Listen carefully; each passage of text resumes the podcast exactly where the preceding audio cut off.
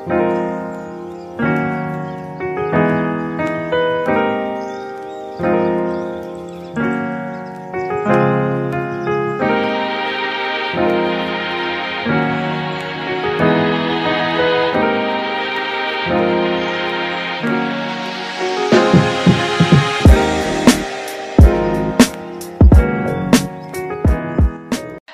warahmatullahi wabarakatuh. Berjumpa lagi dengan gue di Podsan Podcast Santai ya. Setelah melewati beberapa tahun, eh beberapa tahun, setahun doang sih kurang lebih. Uh, akhirnya gue mendapatkan narasumber yang bisa dibilang temannya teman ya, temannya teman dan kenal akhirnya juga dapat terhubung. Ya bisa dikenalkan sendiri-sendiri lah daripada kenalan sama dari gue kan. Monggo. Halo, ya uh, kenalin nama aku Rofik, aku asalnya dari Gresik. Um, saat ini aku lagi kuliah S1 jurusan hubungan internasional di Turki. Hubungan internasional di Turki. Ya.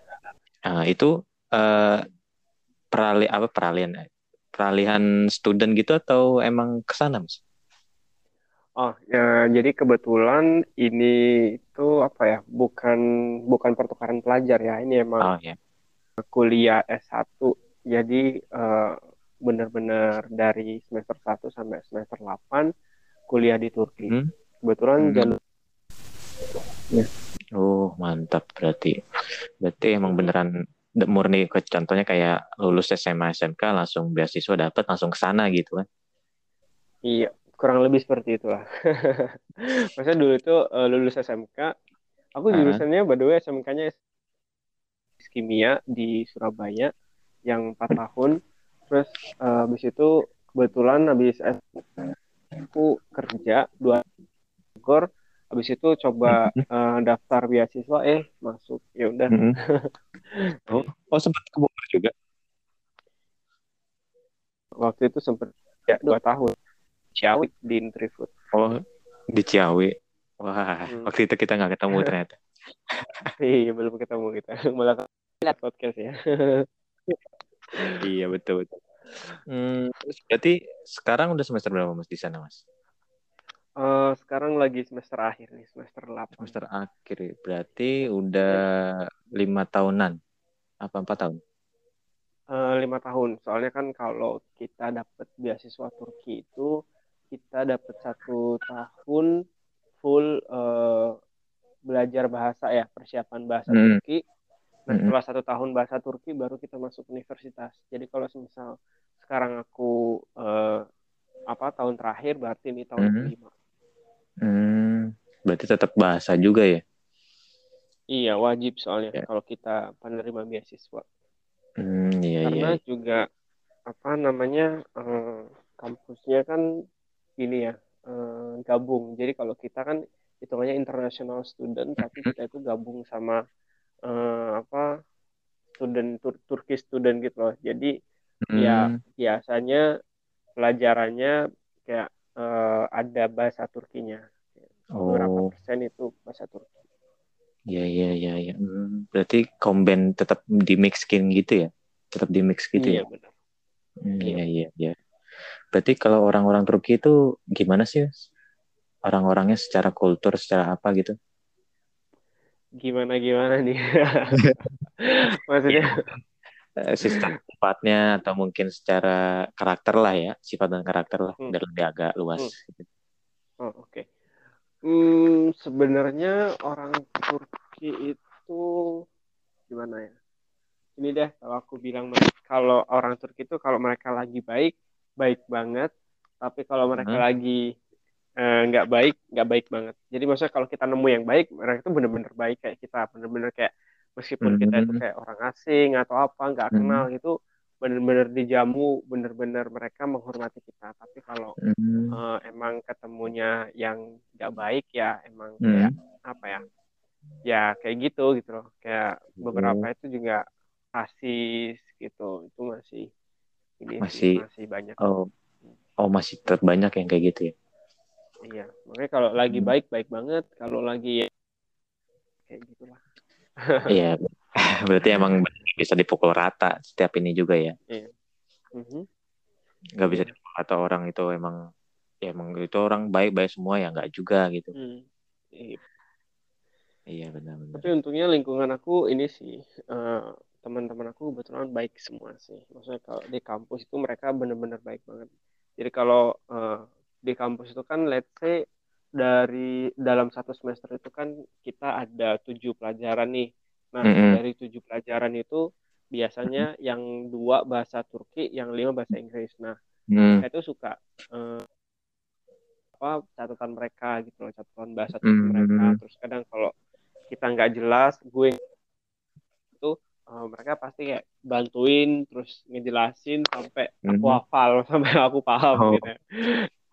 Ya, jadi benar-benar sebaik itu sih. oh berarti teman yang yang di Instagram Story itu kayaknya itu banget ya sohib banget Hmm, kayaknya tuh Iya. Iya, itu yang ngebantuin IPK aku jadi lebih bagus dikit. bagus sih. Iya iya iya. Untuk di Turki ngomong-ngomong Turki kan Timur Tengah ya, maksud Timur, Timur Tengah kan ya. Itu Iya. wisatanya gimana mas? Kira-kira apa ya Oh, secara keseluruhan lah menurut menurut Hmm. masnya ini. Hmm, sebenarnya kalau Turki itu termasuk yang lengkap juga ya tempat wisatanya. Mhm. Maksudnya gini, di Turki itu ada kayak biji ya kan, eh, zamannya Ottoman di Istanbul itu kan ada Hagia Sophia sama Sultan Ahmet Mosque. Eh, terus di Turki juga ada eh, apa namanya Gunung Salju di Gunung salju. di ya jadi kayak di situ kita bisa main ski, bisa Oh. naik gondola segala macam. Emang apa ya? Emang wisata salju gitulah kalau winter biasanya kita suka ke situ. Terus eh, Hmm. Apa namanya kayak di Kapadokia itu juga apa yang jadi kayak rumah eh, penduduk itu tapi mereka dulunya kan tinggal di goa dan itu sampai sekarang ada. Terus yang balon terbang itu juga ada di Kapadokia. Nah, apa lagi ya? Terus ada juga yang di daerah timur itu biasanya lebih lebih natural kayak Indonesia gitu yang daerah daerah pegunungan, air terjun itu banyak banget. Terus ada juga yang eh, Hmm. apa reruntuhan eh, Romawi, Romawi Tahu. kuno itu juga. Yesus. Lengkap Hmm. banget sih menurut aku eh, apa namanya wisata di Turki. Jadi kalau emang main ke Turki itu bener-bener nggak rugi gitu loh. Semua jenis wisata kita bisa dapat. Semua religi ada yang yang Hmm. selain religi juga ada gitu. Iya, Berarti untuk liburan ke sana nggak cukup seminggu itu di sana. Mhm. Lu ya nggak cukup. Eh, maksudnya kayak apa ya? Eh, kalau emang mau Turki itu sebenarnya lumayan luas eh, Hmm. negaranya. Jadi kalau dibandingkan negara Eropa, Eropa Hmm. yang lain itu eh, lebih apa ya? Lebih gede. Eh, Turki itu kayak tanahnya itu kalau nggak salah setengahnya Indonesia lah. Luas Setengahnya. Indonesia. Jadi, Oh, jadi seminggu nggak cukup sih kalau aku bilang nggak cukup banget. iya dan pastilah. aku pri ya dan aku pribadi juga sebenarnya aku nggak suka kalau eh, kita wisata terus kayak eh, ngejar waktu tau nggak? Jadi kayak Oh, nyampe sini foto terus harus eh, berangkat gitu kan. Terus foto foto doang berangkat. Itu aku nggak suka sih. Aku lebih yang kayak lebih menikmati lah. Yes, menikmati liburan lah bisa dibilang ya. Mhm. Ya, yang itu yang emang harus sih enaknya yang kayak gitu. iya Eh, untuk eh, pendidikan tadi udah sedikit disinggung ya untuk pendidikan di sana. Eh, kalau itu kan melalui beasiswa ya. Kalau untuk Ya. mandiri bisa nggak mas kira-kira? Hmm, bisa gimana nih bisa banget malah Bisa Justru banget. kalau beasiswa kan eh, kita saingan ya eh, buat Hmm. dapetin beasiswa karena saingannya juga lumayan. Nah, kalau mandiri harusnya lebih gampang kalau mau daftar kuliah mandiri di Turki. Hmm. Dan hmm, dan eh, emang apa ya? eh, banyak eh, agensi-agensi gitu yang eh, ngebantu ya apa ya, yang mereka menyalurkan mahasiswa gitu ke eh, buat studi di Turki. Tapi sebenarnya meskipun tanpa agensi juga uh, kuliah di Turki gampang gitu loh. Maksudnya, bisa juga ya sendiri. Iya maksudnya juga, secara bisa sendiri. Pri, uh, secara pribadi mungkin bisa. Untuk pengurusan-pengurusan gitu ya untuk pendidikan ya. Untuk pendidikan itu susah nggak? Hmm. Siapa tahu mungkin ada yang hari ini untuk pengen S1 mungkin atau S2 lah ya ke Turki hmm. gitu. Untuk hmm. ngurusin kayak administrasi apa segala macam secara mandiri itu hmm. ya. gampang atau gimana? Sebenarnya kalau mau gampang pasti jatuhnya uh, mahal, maksudnya lewat agensi kan. Kalau uh. maunya bayar doang ya udah lewat agensi. Mau yang murah berarti kan harus usaha kan hitungannya. Uh. Uh, harus uh, ini nih kayak searching banyak-banyak di Google kayak informasi uh, kampus mana aja, terus bukanya kapan segala macam. Terus mungkin uh. kalau emang butuh apa kayak informasi tambahan nih bisa uh, hmm. nyoba buat apa ngegali informasi dari PPI Turki atau PPI kota masing-masing itu sih. Hmm. Tapi uh, kalau menurut aku hmm, apa ya kalau emang mau studi ke luar negeri harusnya hmm. siap sih dengan segala so kayak harus nyari kampus, harus daftar hmm. ujian mungkin atau harus uh, pas berkas terus nanti urus hmm. visa urus paspor segala macam gitu. Ya harus siap sih. Mau kuliah di luar ya. Karena kan di iya, luar juga kita apa namanya pasti uh, tahu sendiri lah uh, jauh dari orang tua segala macam bahasanya beda culture beda. Jadi yes. kalau ngurus di Indonesia aja nggak nggak telaten lah hitungannya ya gimana mau kuliah di luar Iya sih bener-bener. Bener-bener itu. Basicnya yang penting mau ribet dah. Orang mau ribet hmm. pasti mau bisa lah gitu ya. Hmm. Iya. Iya iya iya. Terus kalau di sana biaya hidupnya mahal nggak mas? um, biaya hidup ya. Hmm. Hmm, Sebenarnya kalau masalah makan atau uh, apa kayak sehari-hari itu harusnya sama sih dengan Indonesia bahkan mungkin eh, kadang lebih mahalan Jakarta kalau aku bilang dibandingkan sama di oh. Turki gitu mm-hmm. makanya kayak eh, kalau itu buat ini ya buat apa namanya buat sehari-hari kayak makan hmm. atau ngemol atau nongkrong itu kayaknya lebih mahalan Jakarta kalau aku bilang uh, kayak Starbucks aja nih Starbucks uh, di Turki itu bisa dapat kayak berapa ya wait nggak nyampe du apa kayak dua puluh lima ribu itu udah dapat satu cup Starbucks. Kalau itu di Indonesia sendiri kan kayaknya empat puluh lima ribu minimal. Iya jadi ya emang empat puluh ribu hmm, kadang hmm, kadang lebih mahalan di Indonesia untuk eh, hal-hal uh, yang kayak gitu.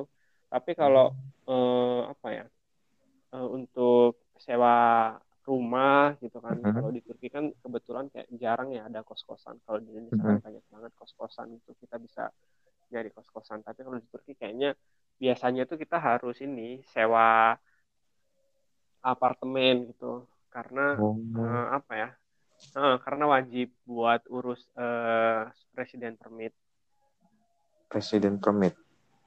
Iya, jadi surat apa kayak surat izin tinggal gitu. Izin tinggal. Yap, kayak gitu. Oh. Jadi wajib harus punya alamat dan apa ya uh, bukti kalau kita semisal uh, nyewa di situ gitu loh.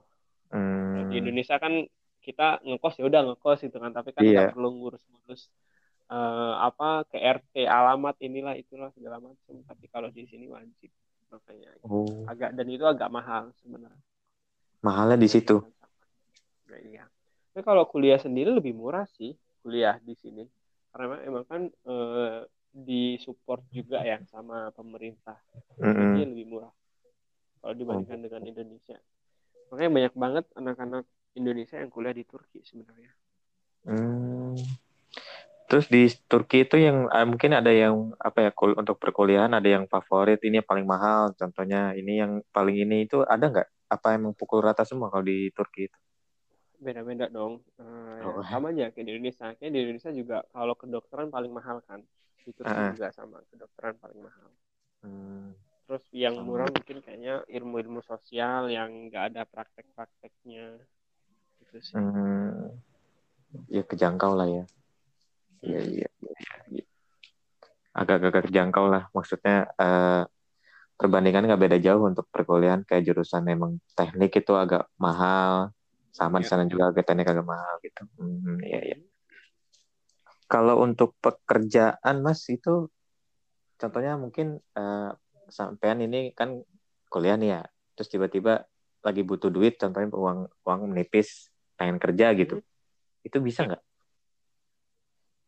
Eh, sebenarnya gini ya, eh, di Turki itu eh, kalau visa kita nih apa namanya surat izin tinggalnya tadi itu alasannya atau mahasiswa harusnya nggak boleh kerja gitu kan karena eh, apa ya legalitasnya kan bukan sebagai pekerja gitu loh Mm-mm. izinnya juga bukan sebagai pekerja itu Mm-mm. eh, ya kalau misal kita kerja yang di company atau let's say kerja di hotel gitu eh, atau Mm-mm. di restoran eh, itu ilegal hitungannya jadi Mm. ya kalau misal ketahuan ya nah, tapi kalau semisal eh, apa lagi liburan kayak liburan winter atau liburan summer, Ah, liburan ah. semester itu eh, wajar sih eh, mahasiswa pada kerja itu wajar.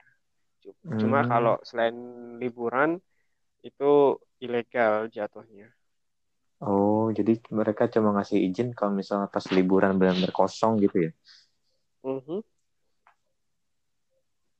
Iya, jadi Sebenarnya nggak ngasih izin juga sih, tapi kayak lebih apa ya, lebih kayak eh, hal yang wajar gitu loh kalau eh, oh, semua mahasiswa kayak entah itu mahasiswa Turki atau mahasiswa internasional mereka biasanya kerja waktu summer atau hmm, emang udah kayak hal yang lumrah lah ya, hal yang iya lumrah. Hmm. Hmm, berarti eh, emang kalau misalnya kedudukan changing itu changing password itu eh paspor ya, paspor itu nggak bisa berarti ya?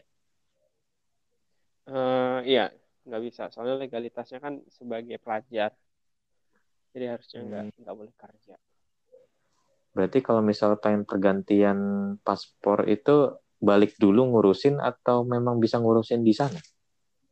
Oh kalau paspor mah bisa urus di sini eh, di Turki soalnya kan di Turki ada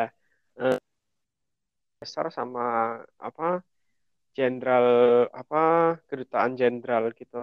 Di Hmm, jadi kalau Turki itu di Istanbul ada kalau di Ankara ibu kota Turki itu ada kedutaan besar. Jadi nanti hmm, kalau misal kita butuh eh, ganti paspor itu kita bisa ngurus di situ. Hmm. Ya mungkin contohnya kan kayak udah lulus nih, ah nggak mau balik ke Indo lah, mau kerja di sini ya.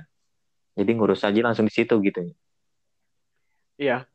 Kalau itu nanti eh, surat izin tinggalnya tinggal urus lagi di imigrasi Turkinya.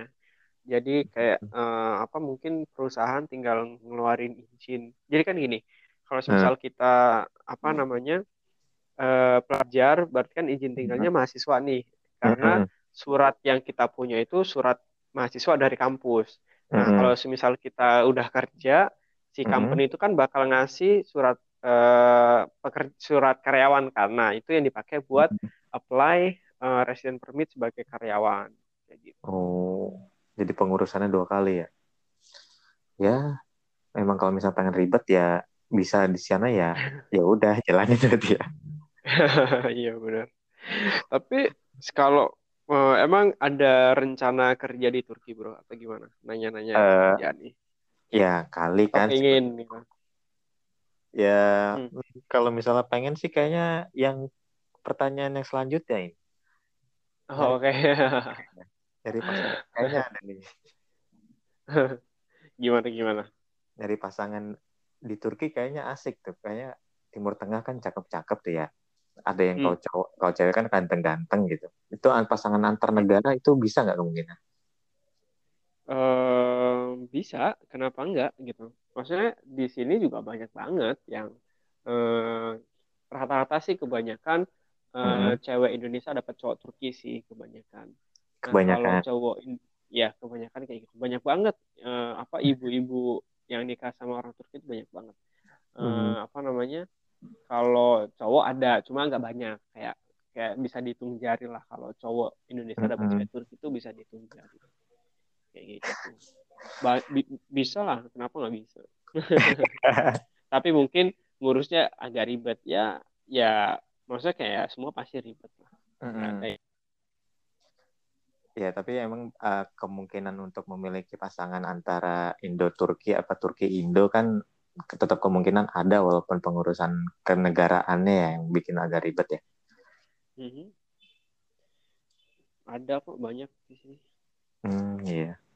Nah, itu mungkin yang agak kesengsem juga sih. Nih lihat Mas Ropi kok update-nya kayaknya cakep juga nih orang Turki ya. Iya, eh, soalnya kan sebenarnya orang Turki itu kayak mereka itu kan Middle East kan, tapi mereka sebenarnya kayak bukan Middle East banget sih, mereka itu kayak Eurasia gitu. Eh, Mm-mm. jadi kayak jembatannya Middle East sama Eropa. Jadi kayak wajah-wajah mereka itu antara an- orang Middle East yang gede, gagah ini segala macem, terus Mm. sama atau cewek yang tinggi gitu kan, Mm-mm. terus digabungin sama eh, Eropa yang ramping, kalau cewek terus cowok yang yang mulus ini segala macam gitu lah. Jadi kayak Nah, bener-bener mix dari Middle East sama Eropa itu dapat banget gitu. nah, iya itu maksudnya. Aduh, pernah saya uh, iseng kan sama temen. Ini kan udah jomblowati banget nih udah dua tahunan kali ya. Udah kena Hmm. dua orang itu udah lama banget. Singgung nih cariin dong Sep itunya pasangan. Lu pengen yang mana yang nyobain yang Turki? Ya udah cobain kenalin. Mau kenalan sama cowok Turki nih. ah dia di ada dua orang sih. Dua apa tiga ya? Hmm. Hmm, siapa tahu mungkin bisa gitu. Eh, bisa aja sih, maksudnya kayak, maksudnya gimana ya? Eh, ya kan beda orang beda ini ya, beda Iya, beda. prinsip, ya kan? Maksudnya kayak ada orang yang, ya udahlah nggak apa-apa, gue kenalan lewat online gitu kan. Ntar kalau emang cocok, gue terusin gitu. Terus Iya. ada juga yang eh, gue kuliah aja deh dulu ke Turki, siapa tahu nanti dapat jodoh di sini. Maksudnya kan iya Eh, kenal dulu nih, kenal kenal. Kalau emang ngerasa nyaman ya udah nanti jadian gitu kan. Ya bisa aja sebenarnya. Tinggal dipilih aja jalannya mau yang mana. mau yang melewati online atau mau yang biasa gitu ya yes Mhm. Kalau biasa mungkin ya tadi itu kuliah aja di sini. Nyari jodoh di sini. boleh dah nanti siapa tahu mungkin dia ngedenger ini podcast nanti ya siapa tahu bisa lah pincai di Hmm. belakang Iya benar. Bisa lah. Kalau jodoh mah iya jodoh mah nggak ke mana ya iya ke mana. kalau eh, nih lupain untuk nanyain untuk first impression pas masnya ke sana itu ngalamin culture shock gak? Kultur shock ya. Mhm. Hmm, apa ya? Pasti ngalamin sih yang namanya kultur shock. Oh iya, kayaknya dulu itu eh ini bongkar nggak ya? Jadi agak Terserah, enak terserah. nih gue. Terserah. Jadi gini, eh, ini ya, pokok- pokoknya again eh, ini tuh kayak gue eh, aku nggak mau pukul rata Mm-mm. kalau semua orang Turki kayak gini gitu ya, yang Ah. pasti kan eh, Iya, sama lah kayak orang ya. Indonesia pas yang nggak semuanya kayak gitu, tapi emang mayoritas gitu kan. Mm-mm. ya kayak gitu. gitu. Jadi kalau Nah. misal orang Turki itu waktu aku pertama kali datang ke Turki itu ya, kan Mm-mm. kita orang Indonesia kan kebiasaan mandi tiap hari, tiap hari dan Ah. itu kayak pagi sore gitu kan. Iya. Pagi sebelum eh, ke sekolah, terus sore biasanya kalau habis pulang sekolah main segala macam mau sholat maghrib kita kan Mm-mm. eh, kita eh, apa namanya mandi lagi kan. Jadi kayak Mm.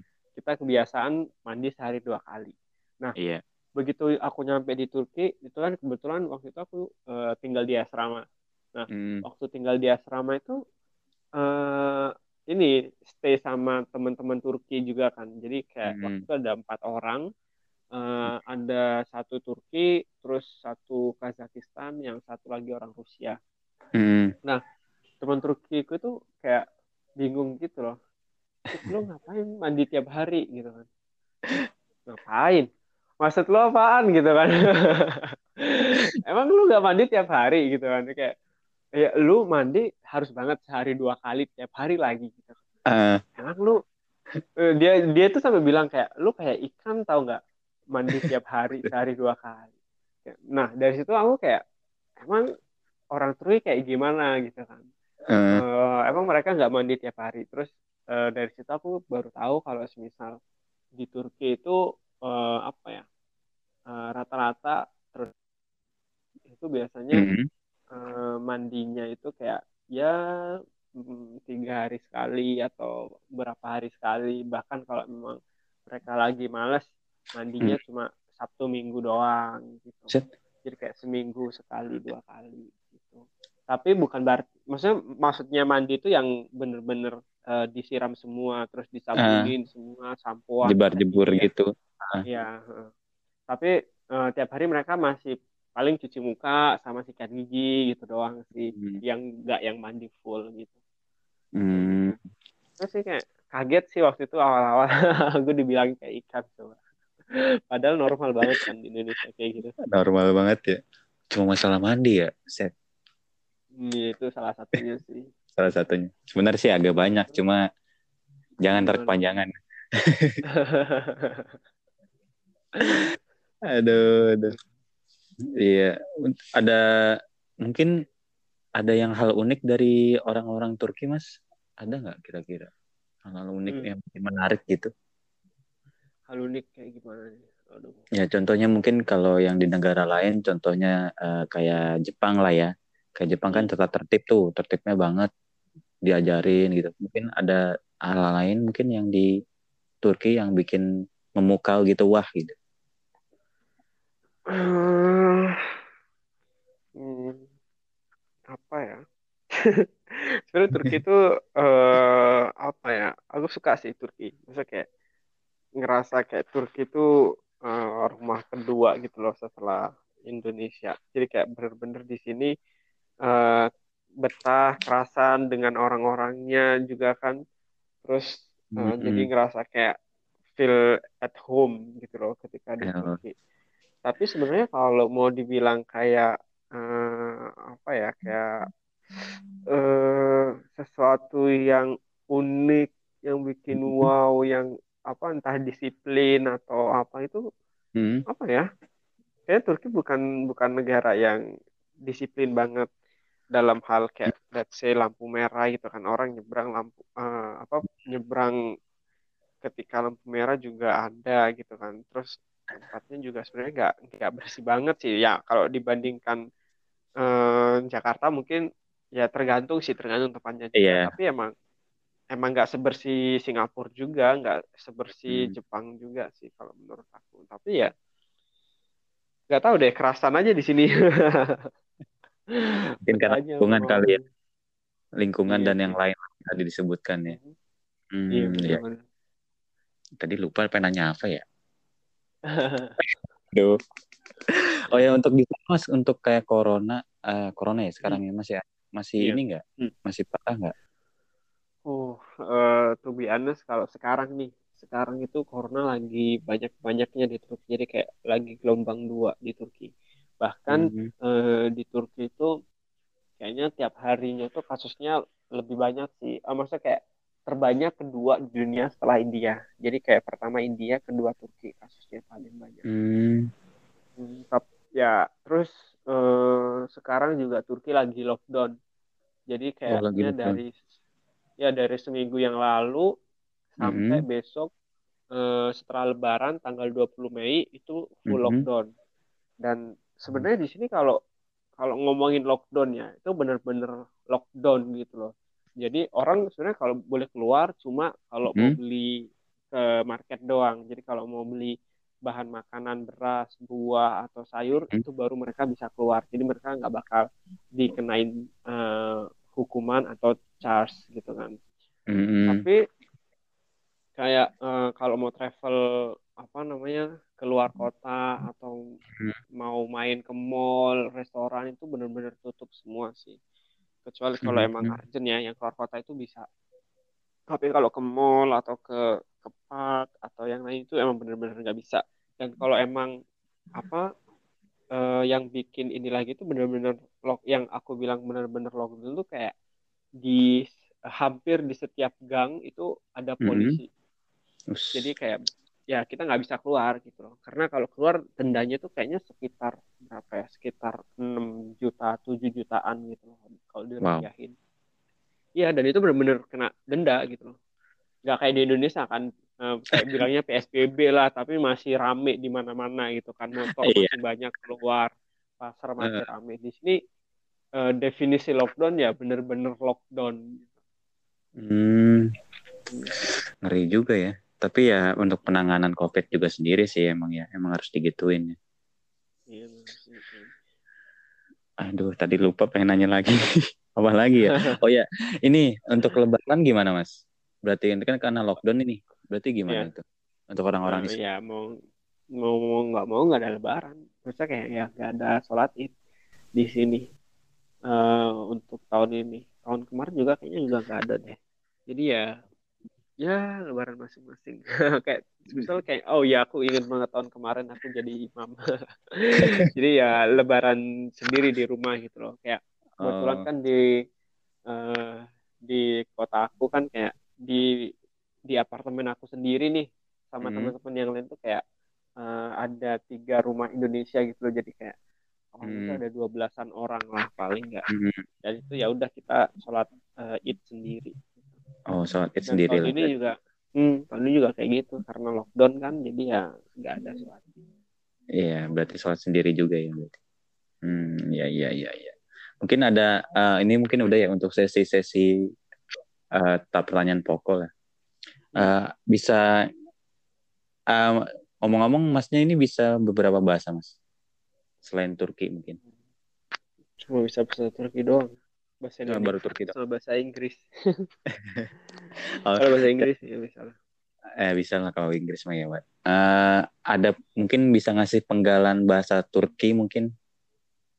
Sebagai penutup uh, uh, ada mungkin ada kayaknya semua orang pada tahu sih? uh, jadi itu uh, kayak I love you-nya Turki lah As apa tadi? Jadi kalau misal ya I I love you tapi dalam bahasa Turki.